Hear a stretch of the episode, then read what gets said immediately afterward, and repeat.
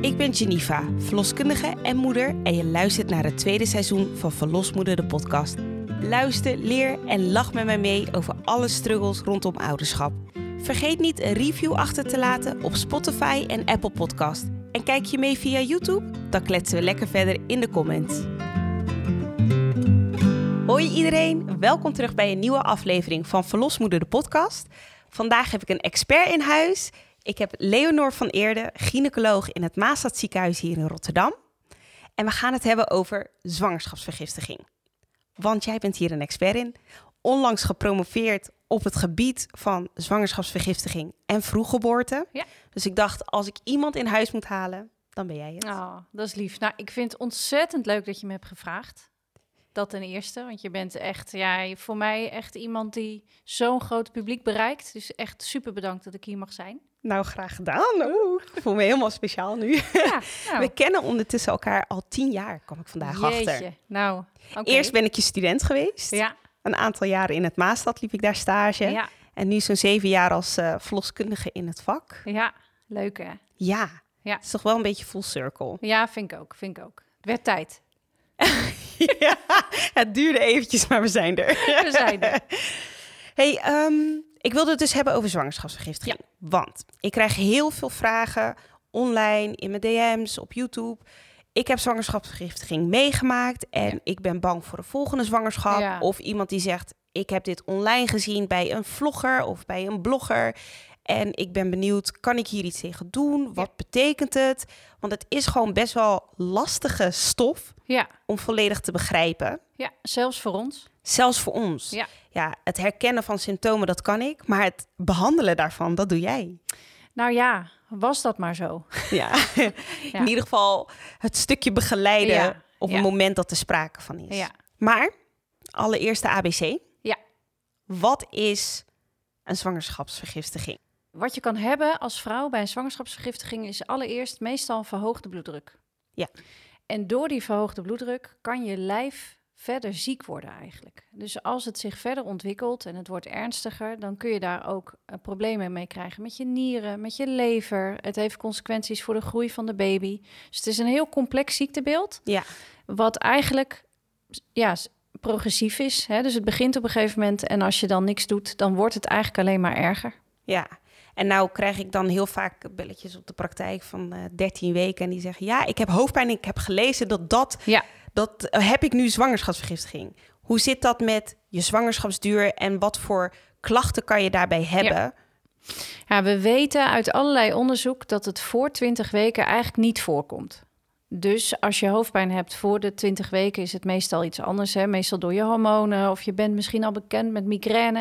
Nou, dat is ook typisch iets wat in het begin van een zwangerschap kan voorkomen. Ja. Zwangerschapsvergiftiging is echt iets voor de tweede helft van je zwangerschap. En zo zit het ook in de definitie. Dus de definitie zegt, zegt ook dat het eigenlijk pas na 20 weken ontstaat bij iemand die voorheen nog geen problemen had met, met zijn bloeddruk. Ja, precies. Ja. En anders had je al misschien chronisch problemen. Ja, dan had je al chronische, chronische bloeddrukproblemen. Die vrouwen hebben wel een hoger risico, maar hè, je hoeft bij 13 weken nog niet bang te zijn voor zwangerschapsvergiftiging. Oké. En hoofdpijnklachten. Ja, Zijn er andere symptomen waaraan je kan herkennen als zwangere zijnde van... oh, als ik deze klachten heb, dan moet ik gewoon heel eventjes mijn verloskundige of mijn gynaecoloog gaan Ja. bellen. Ja, die zijn er. Wat het wel lastig maakt, is dat heel veel dingen bij heel veel zwangeren voorkomen. Hè? Dus het is niet, ook niet altijd een teken dat het niet goed gaat met je. Maar een van de dingen die we heel vaak zien, is dat je vocht vasthoudt. In je handen, in je voeten, soms ook in je gezicht. Hè? Dat je man bijvoorbeeld zegt, jeetje, wat eh, ben je opgeblazen. Ja, Ehm, pijn die eh, in je buik zit, maar dan echt boven in je buik. Alsof je een gordel te strak aan hebt getrokken of je riem te strak aan hebt getrokken. Zo voelt het vaak. Ehm, hoofdpijn hoort erbij. Je kan tintelingen hebben in je vingers. Je kan lichtflitsen hebben. Dus ja, dat zijn denk ik een beetje de belangrijkste Ja. dingen die je er zelf van merkt. die hoor ik inderdaad ook veel. En Ja. het idee dat ze sterretjes zien. Ja, precies. Dat dus hoor je, hebt een beetje vlekken, eh, ja, soms een vlekkerig beeld. ja. Maar het kan dus ook super vaag zijn. En dat maakt het heel moeilijk. Hè? Je Ja. hebt niet altijd de, de meest voorkomende symptomen. Soms heb je een soort grieperig gevoel en voel je gewoon anders dan de week daarvoor. Ja, gewoon niet lekker. Gewoon niet lekker. Dus dat maakt het wel lastig. Ja, Ja. en dat maakt het ook dat ehm, sommige vrouwen misschien het idee hebben van hoe heb ik het niet kunnen herkennen? Ja, ja. Of waarom, of als een arts vraagt van oh, waarom heb je niet gebeld? ja. Dan is het ja, ik, eh, misschien heb ik gewoon niet zo lang genoeg geslapen of een rotnacht gehad. Ja, en lastig, dat ik me hè? daarom niet zo lekker voel. Nou ja, wat denk ik belangrijk is, is dat het nooit je nooit er is geen schuld. Zoiets ontstaat, daar kan je, kan je niks aan doen. Ehm, wat denk ik wel belangrijk is, en daar ligt voor jou en mij een rol, is dat we wel op tijd wel dit soort dingen bespreken met mensen in de zwangerschap. Van joh, denk eraan als je je anders voelt dan anders, of je hebt ergens last van, neem dan contact op. Ja. Zou je zeggen dat eigenlijk vanaf iedereen bij 20 weken dat je zegt van hé, hey, dit zijn klachten wanneer je zou moeten bellen? Ja, Want soms wordt dat ja. eigenlijk niet eens standaard besproken. Nee, en dat, en dat snap ik ook wel, want je wil mensen ook niet onnodig bang maken. Hè? Want het komt niet heel veel voor. We zien het in ongeveer nou, ja, 5% van de zwangerschappen zien we het. Ja. En ja, je wil die andere 95% krijgt het dus niet. Dus Nee. ja, moet je dan iedereen heel erg bang maken. Dus zo moeten we het niet doen. Maar ik denk dat het wel fijn is, sowieso dat mensen weten dat ze altijd mogen bellen bij klachten. Ja. En dan maakt het niet uit wat voor klacht. Nee, Daar zijn we overleggen. Ja. Kijk, al, soms is het alleen al een belletje dat je er samen achter komt. Ja. Oh meid, je hebt gewoon bijna niks gedronken vandaag. Precies. Dat precies. is misschien de reden Ja. van de hoofdpijn. Of als je vocht vasthoudt en het was gisteren eh, 14 30 graden, graden. en Ja. morgen 30, wat Nederland kan, vier seizoenen in een week. Precies, precies. Dan is het niet gek dat Nee, je opge, opgezwollen voeten hebt. Dus je wil mensen niet onnodig bang maken, maar je wilt het ook niet missen. Dus dat is altijd, vind ik altijd wel een dilemma. Ja. En ja, wat daarbij denk ik wel helpt, is er zijn natuurlijk groepen die vooraf een hoger risico hebben. Ja. En ik denk dat, ja, dat je die groepen, dat het denk wel heel nuttig is om die voor te lichten dat ze bij dat soort klachten moeten bellen. Zijn er bepaalde groepen dat je zegt van, oh ja, nou bij deze gaan wij inderdaad wat meer opletten? Of dan wil ik echt duidelijk maken van, als er iets speelt, trek dan gewoon eventjes Ja. aan de bel. Ja, de, eigenlijk de grootste groep, of de grootste risicogroep zijn de vrouwen die al eh, hoge bloeddruk hebben van zichzelf. En die, ja, die worden echt wel anders in de gaten gehouden. Bij de start bedoel je? Ja, al bij de start. Dus dat zijn vrouwen die ook als ze niet zwanger zijn last hebben van een hoge bloeddruk. Ja. Die heb, dat is de groep die eigenlijk uit alle onderzoeken blijkt dat die de grootste kans hebben op het krijgen van Dus van die 5% zit het grootste deel van die vrouwen hebben dus al bij Ja. de start een hoge bloeddruk. Precies. Ja. En dan heb je nog, ehm, ja, je hebt een heleboel risicofactoren. Maar bijvoorbeeld wat ook meespeelt is vrouwen die ouder zijn. Hè, dus die eh, hun eerste kindje krijgen als ze al wat ouder zijn. En dan heb ik het over, ja, nou ja, ik weet niet precies die grens, maar het is 38, Ja. daarboven. En dat heeft ermee te maken dat hoe langer je leeft, hoe meer kans je hebt dat je in je leven ergens een beetje schade oploopt aan je bloedvaten. Ja. Kan van alles zijn. Ja. En als je dat hebt gehad, dan heb je ook meer kans op het krijgen van eh, zwangerschapsvergiftiging. Ja, Dus dat is ook een, groep die, we, die je extra in de gaten moet houden. en veel heeft waarschijnlijk ook met leefstijl te maken. Zeker. Dus als ja. je, als je eh, ongezonde voeding veel eet of ehm, als je, Roken. ja, als je rookt. Ja, dat, is echt dat een is überhaupt natuurlijk lastig voor je Ja, vaten om ja. eh, te verdragen. Nou ja, precies. Er zijn ook vrouwen die voor, ja, hè, voor de zwangerschap echt perfect gezond zijn... en die zelf helemaal niks hebben... maar van wie bijvoorbeeld een moeder het heeft gehad in de zwangerschap... of een Ja. zus. Dat zijn ook vrouwen die in hun eigen zwangerschap een verhoogd risico hebben. Ja, en dat zijn de dingen die wij natuurlijk ook Precies. als artsen of als verloskundige uitvragen Ja. bij zo'n eerste controle. Komt er hoge bloeddruk in de Ja. familie voor?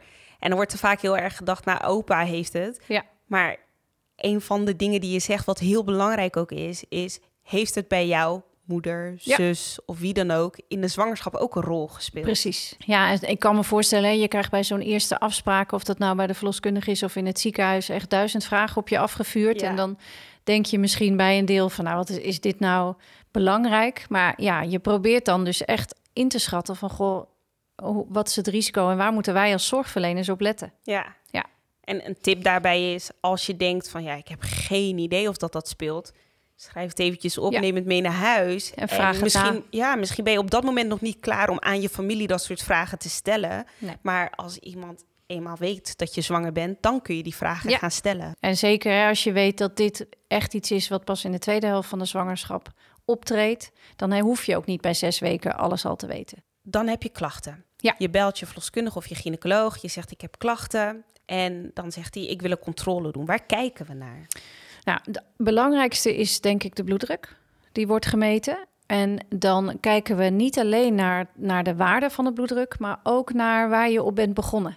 Ja, dus als je heel laag bent begonnen en je hebt nu opeens een bloeddruk die voor jou doen al, al aan de hoge kant is, dan is dat iets wat we meenemen. ja, En daarnaast is het belangrijk dat we in de urine, dus in een potje urine, kijken of daar eiwitten in zitten. Want dat zegt iets over als je nieren er last van hebben, dan gaan ze eiwitten verliezen. ja.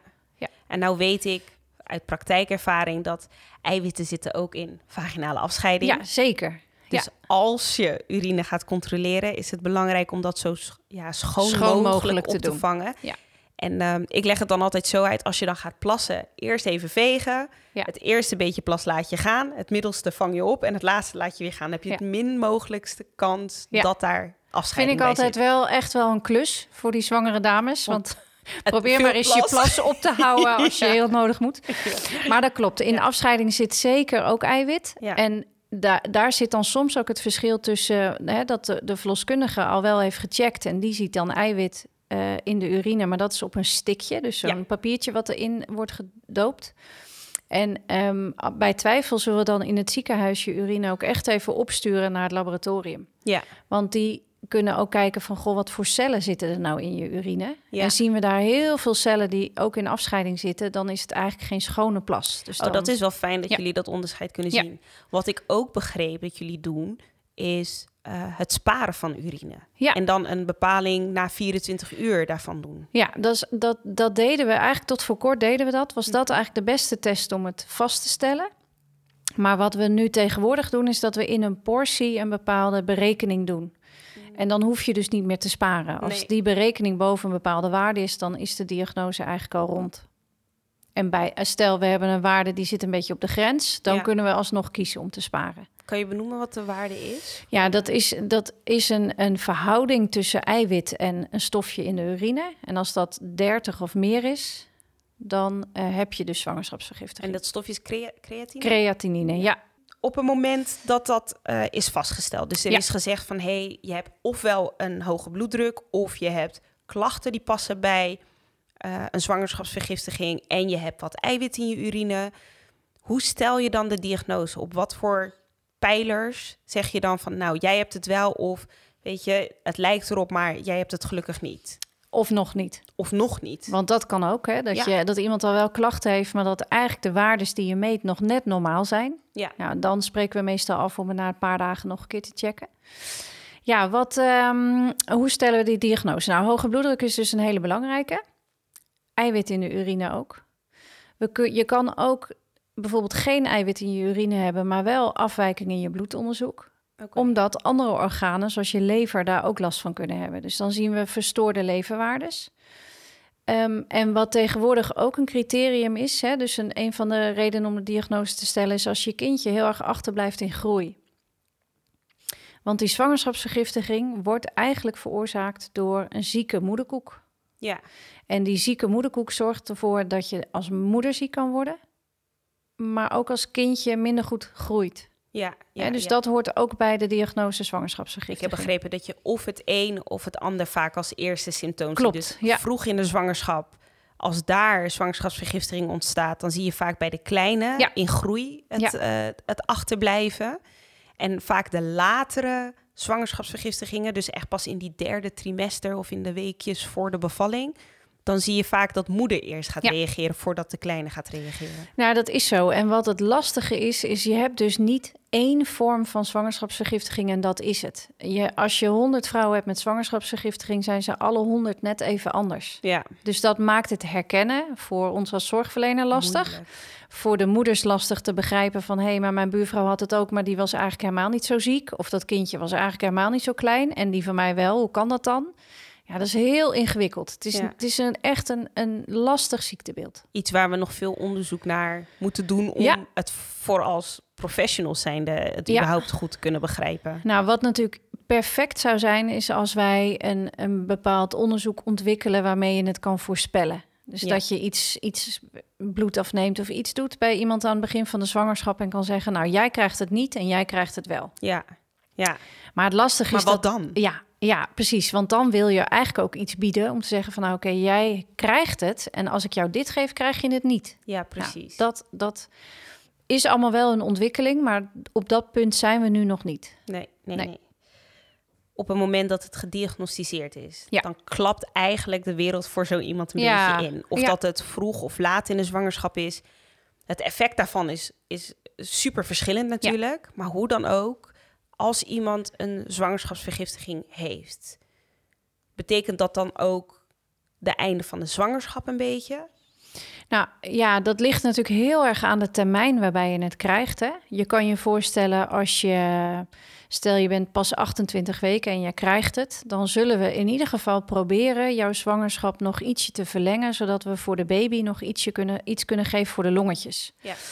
Maar heel veel langer dan, dan een paar, hè, gemiddeld is dat 10 dagen, kunnen we het eigenlijk niet rekken. Ja. En dat komt omdat er nog niet een goede behandeling bestaat.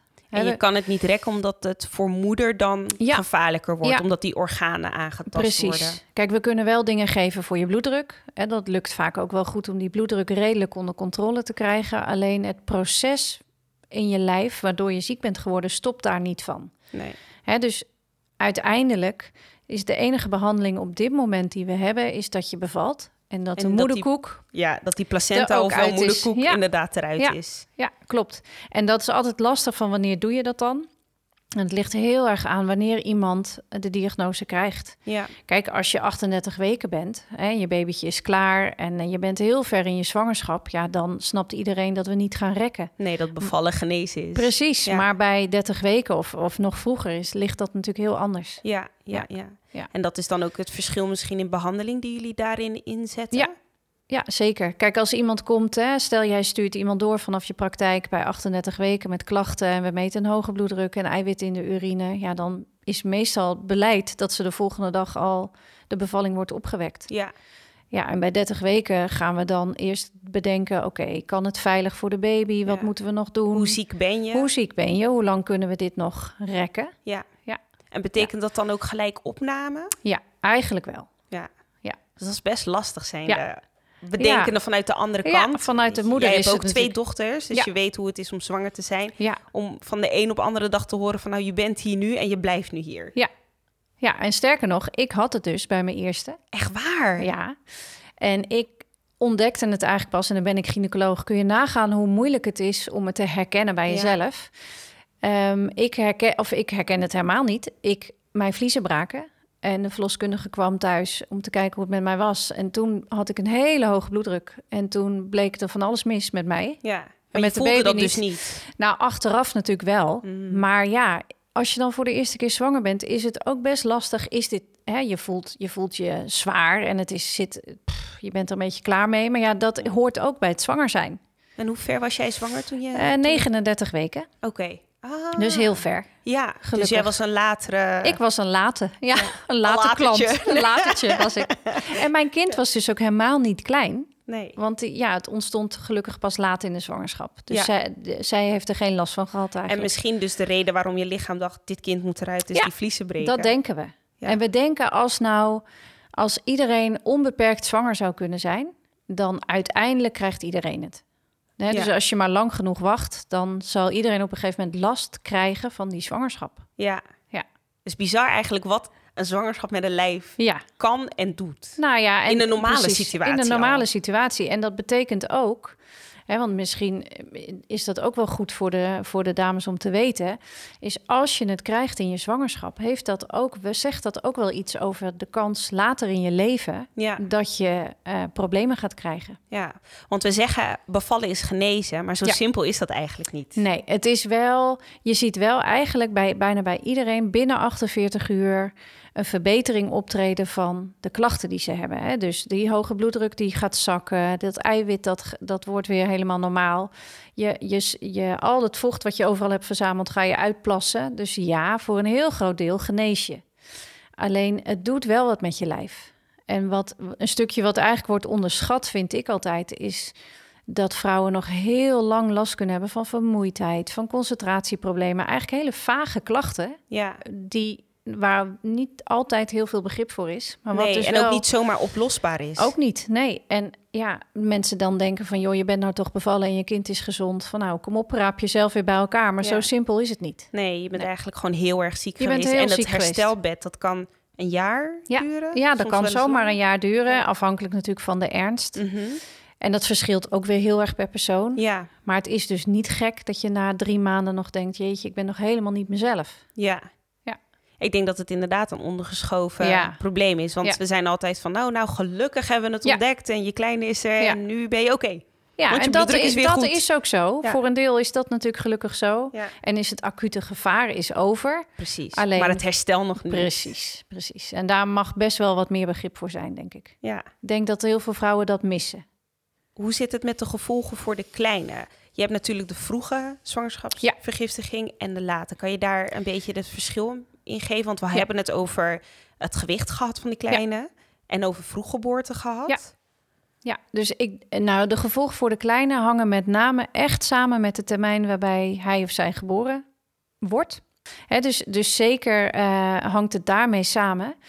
Eh, als, je de, als je zeg maar hoort bij de vroege groep, hè, dus de baby heeft al lang last ervan gehad dat die moederkoek niet helemaal goed werkt, dan zijn ze vaak ook niet alleen te vroeg, maar ook te klein. Ja. En daar zitten ook specia- ja, daar heb je ook weer problemen bij die je daar kan, van kan krijgen. Ja, Ja. ja. En Ja. bij de, eh, de, net als in jouw geval, bij Ja. de wat latere, Ja. Merk je daar eigenlijk nog bijzonderheden, eh, bijzonderheden bij die kleintjes op? Nou, nee, want als je op een normale termijn bevalt, dan ben je heel veel problemen van te vroeg geboren worden. Heb je natuurlijk niet. Nee. Dus je hebt geen problemen met je longetjes. Je hebt geen problemen met dat je nog net niet goed weet hoe je moet drinken. Ja. Of dat je nog niet goed je temperatuur kan regelen.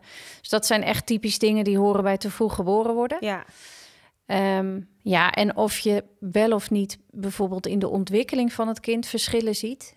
Daar is niet heel veel onderzoek die zo lang die kindjes volgt. Dus Nee. dat weten we eigenlijk niet. Maar we denken als je, als je gewoon op tijd bevalt, dat dat wel meevalt. ja, precies. Ja. Wat als je dit allemaal hebt meegemaakt Ja. in je zwangerschap?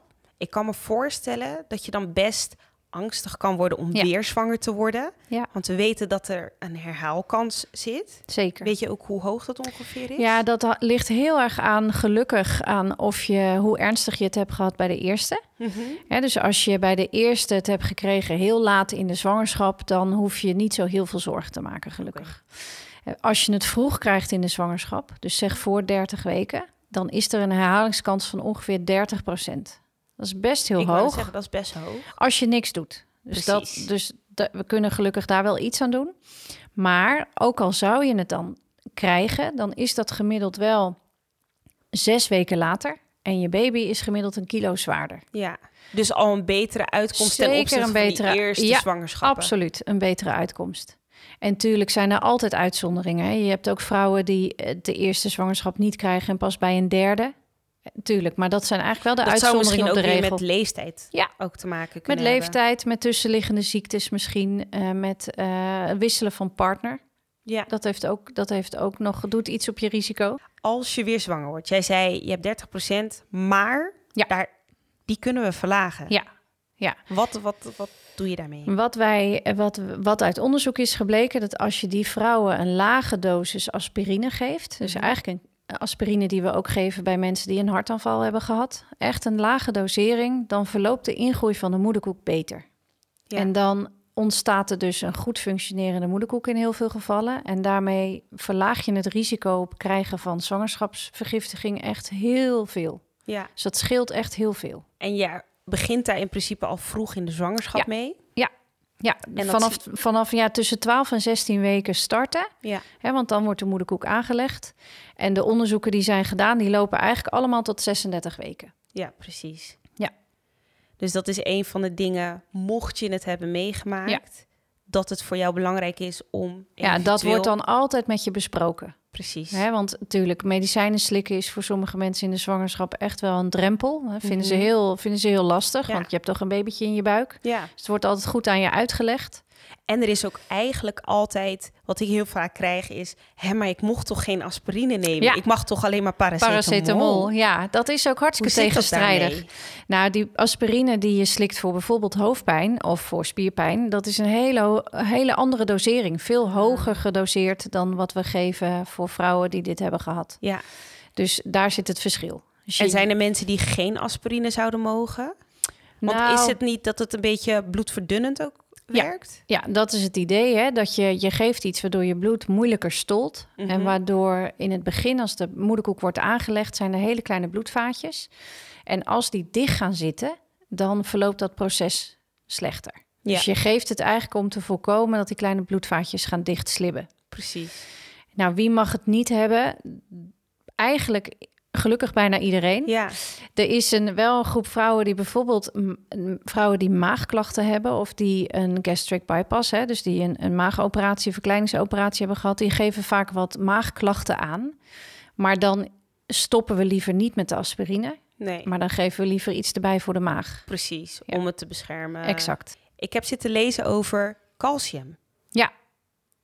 Hoe zit het daarmee en het innemen daarvan in de zwangerschap? Om hopelijk te kunnen voorkomen dat zo'n zwangerschapsvergiftiging ontstaat. Ja. ja, daar wordt heel veel onderzoek naar gedaan. En dat, dat onderzoek wat ik ken, komt met name uit de Amerika. Mhm. En eigenlijk hebben wij in Nederland best wel een dieet met heel veel calcium. Ja, En blijkt eigenlijk dat de mensen die uit hun normale dieet, hè, hun gezonde eetpatroon, dat die eigenlijk nooit een calciumgebrek hebben. ja. En dan is het maar de vraag of het inname van extra calcium heel veel toevoegt. Zou- Tuurlijk, je zal wel iets doen misschien, maar niet heel veel. Maar de vrouwen die in hun dieet heel weinig calcium eten, dus weinig kaas, yoghurt, melk, die groep zou er wel voordeel van kunnen hebben door extra calcium toe te voegen. Dus dat is misschien iets waar wij als professionals ook naar kunnen vragen. ja. Van hoe zeker. zit het met je voedingsgewoontes? Ja. En als je dus inderdaad aangeeft van, nou ja, er zit eigenlijk vrij weinig calcium Ik in. ga dan elke dag naar de. Mac. Nee, dan krijg je waarschijnlijk niet genoeg calcium Nee. binnen. Nee. Nee. Nee. En als je dan al in zo'n risicogroep zit, dan, dan is het Ja, dan maakt dat iets, uit. Dat is ja. iets wat je dan zelf kan doen. Hè? Zorgen dat je gezond en gevarieerd eet. En Ja, ja, dat Want soort het meeste kan je calcium gewoon uit de voeding halen. Ja. Dus je hoeft daar niet een apart pilletje of eh, dingetje Nee. voor te slikken. Nee, en ik denk wel dat het voor alle vrouwen die zwanger zijn goed is om zwangerschapsvitamines te slikken. Mhm. Zeker in de beginfase heb je misschien nog helemaal geen trek of ben je hartstikke misselijk en lukt het gewoon niet om gezond en gevarieerd te eten. Ja, Want gaat er alleen maar een broodje kroket in en niet een blaadje sla. nee. Dus ik denk zwangerschapsvitamines sowieso goed is voor alle zwangere vrouwen. Ja. En daar zit, ja, dan, dan krijg je denk ik genoeg binnen. Ook voor de periode daarna, hè? Ja, Na de bevalling. zeker. Want dat eerste jaar heb je echt wel extra ondersteuning Z- nodig. Ja, zeker als je borstvoeding geeft, heb je gewoon extra, extra voeding, bouwstofjes nodig. Ja. Ja. Ken je instanties die hulp bieden aan ouders die dit hebben meegemaakt Ja. of die net hebben ontdekt ik heb een zwangerschapsvergiftiging? Ja, er is een eh, hele goede stichting in Nederland. Die wordt eh, eh, gerund door hele, hele fijne mensen die deels ook zelf ervaringsdeskundig zijn. Dat is de Help Stichting. En die kun je gewoon online vinden. Er staat heel veel informatie. Hè, want wat vaak ook helpt, is als jij in je omgeving niemand hebt die dit heeft meegemaakt en dan je voelt je heel erg alleen staan. Op zo'n site kun je ook echt met mensen praten die hetzelfde hebben meegemaakt, die met een, aan een half woord genoeg hebben, die begrijpen waar je last van hebt. Ja. Dus die stichting is echt fantastisch. Ja. Ja. Nee, mooi. Heel erg bedankt. Heel Zijn er nog gedaan. dingen waarvan jij zegt, dit moet, je, dit moet ik echt nu meegeven? Nou, ik denk dat het belangrijkste wat ik iedereen mee wil geven is schroom niet om je zorgverlener te bellen. Ook als je denkt van, nou ja, ik weet eigenlijk niet zo goed waar ik nou last van heb, maar ik voel me anders dan anders. Hè, voor ons is het makkelijk om even een extra controle te doen, een bloeddruk te meten, omdat het soms niet heel duidelijk is wat er nou aan de hand is. Ja. Dus voel je vooral niet bezwaard. Dat is eigenlijk het, de grootste boodschap. Ik denk dat het goed is om eh, mee af te sluiten. We gaan elkaar nog zien. Zeker. Want de volgende aflevering gaan we het hebben over vroeggeboorte. Ja. Want daar weet je nog meer van. Ook. Nou ja. nou ja. Nou ja. In ieder geval ook een heleboel kennis die eh, ik graag met je wil laten Ja. delen met onze kijkers. Ja. Dus dan eh, zie je ons weer in de volgende vlog. Nou, hartstikke leuk. En nogmaals bedankt voor de uitnodiging. Graag gedaan. Goed, dit was hem weer. Ik hoop dat jullie dit een interessante podcastaflevering vonden en dat je hier veel mee kon nemen naar vrienden, familie of misschien dat je zelf denkt van nou hier heb ik heel veel baat bij gehad. Ik zie jullie volgende week weer in een nieuwe aflevering. Ciao!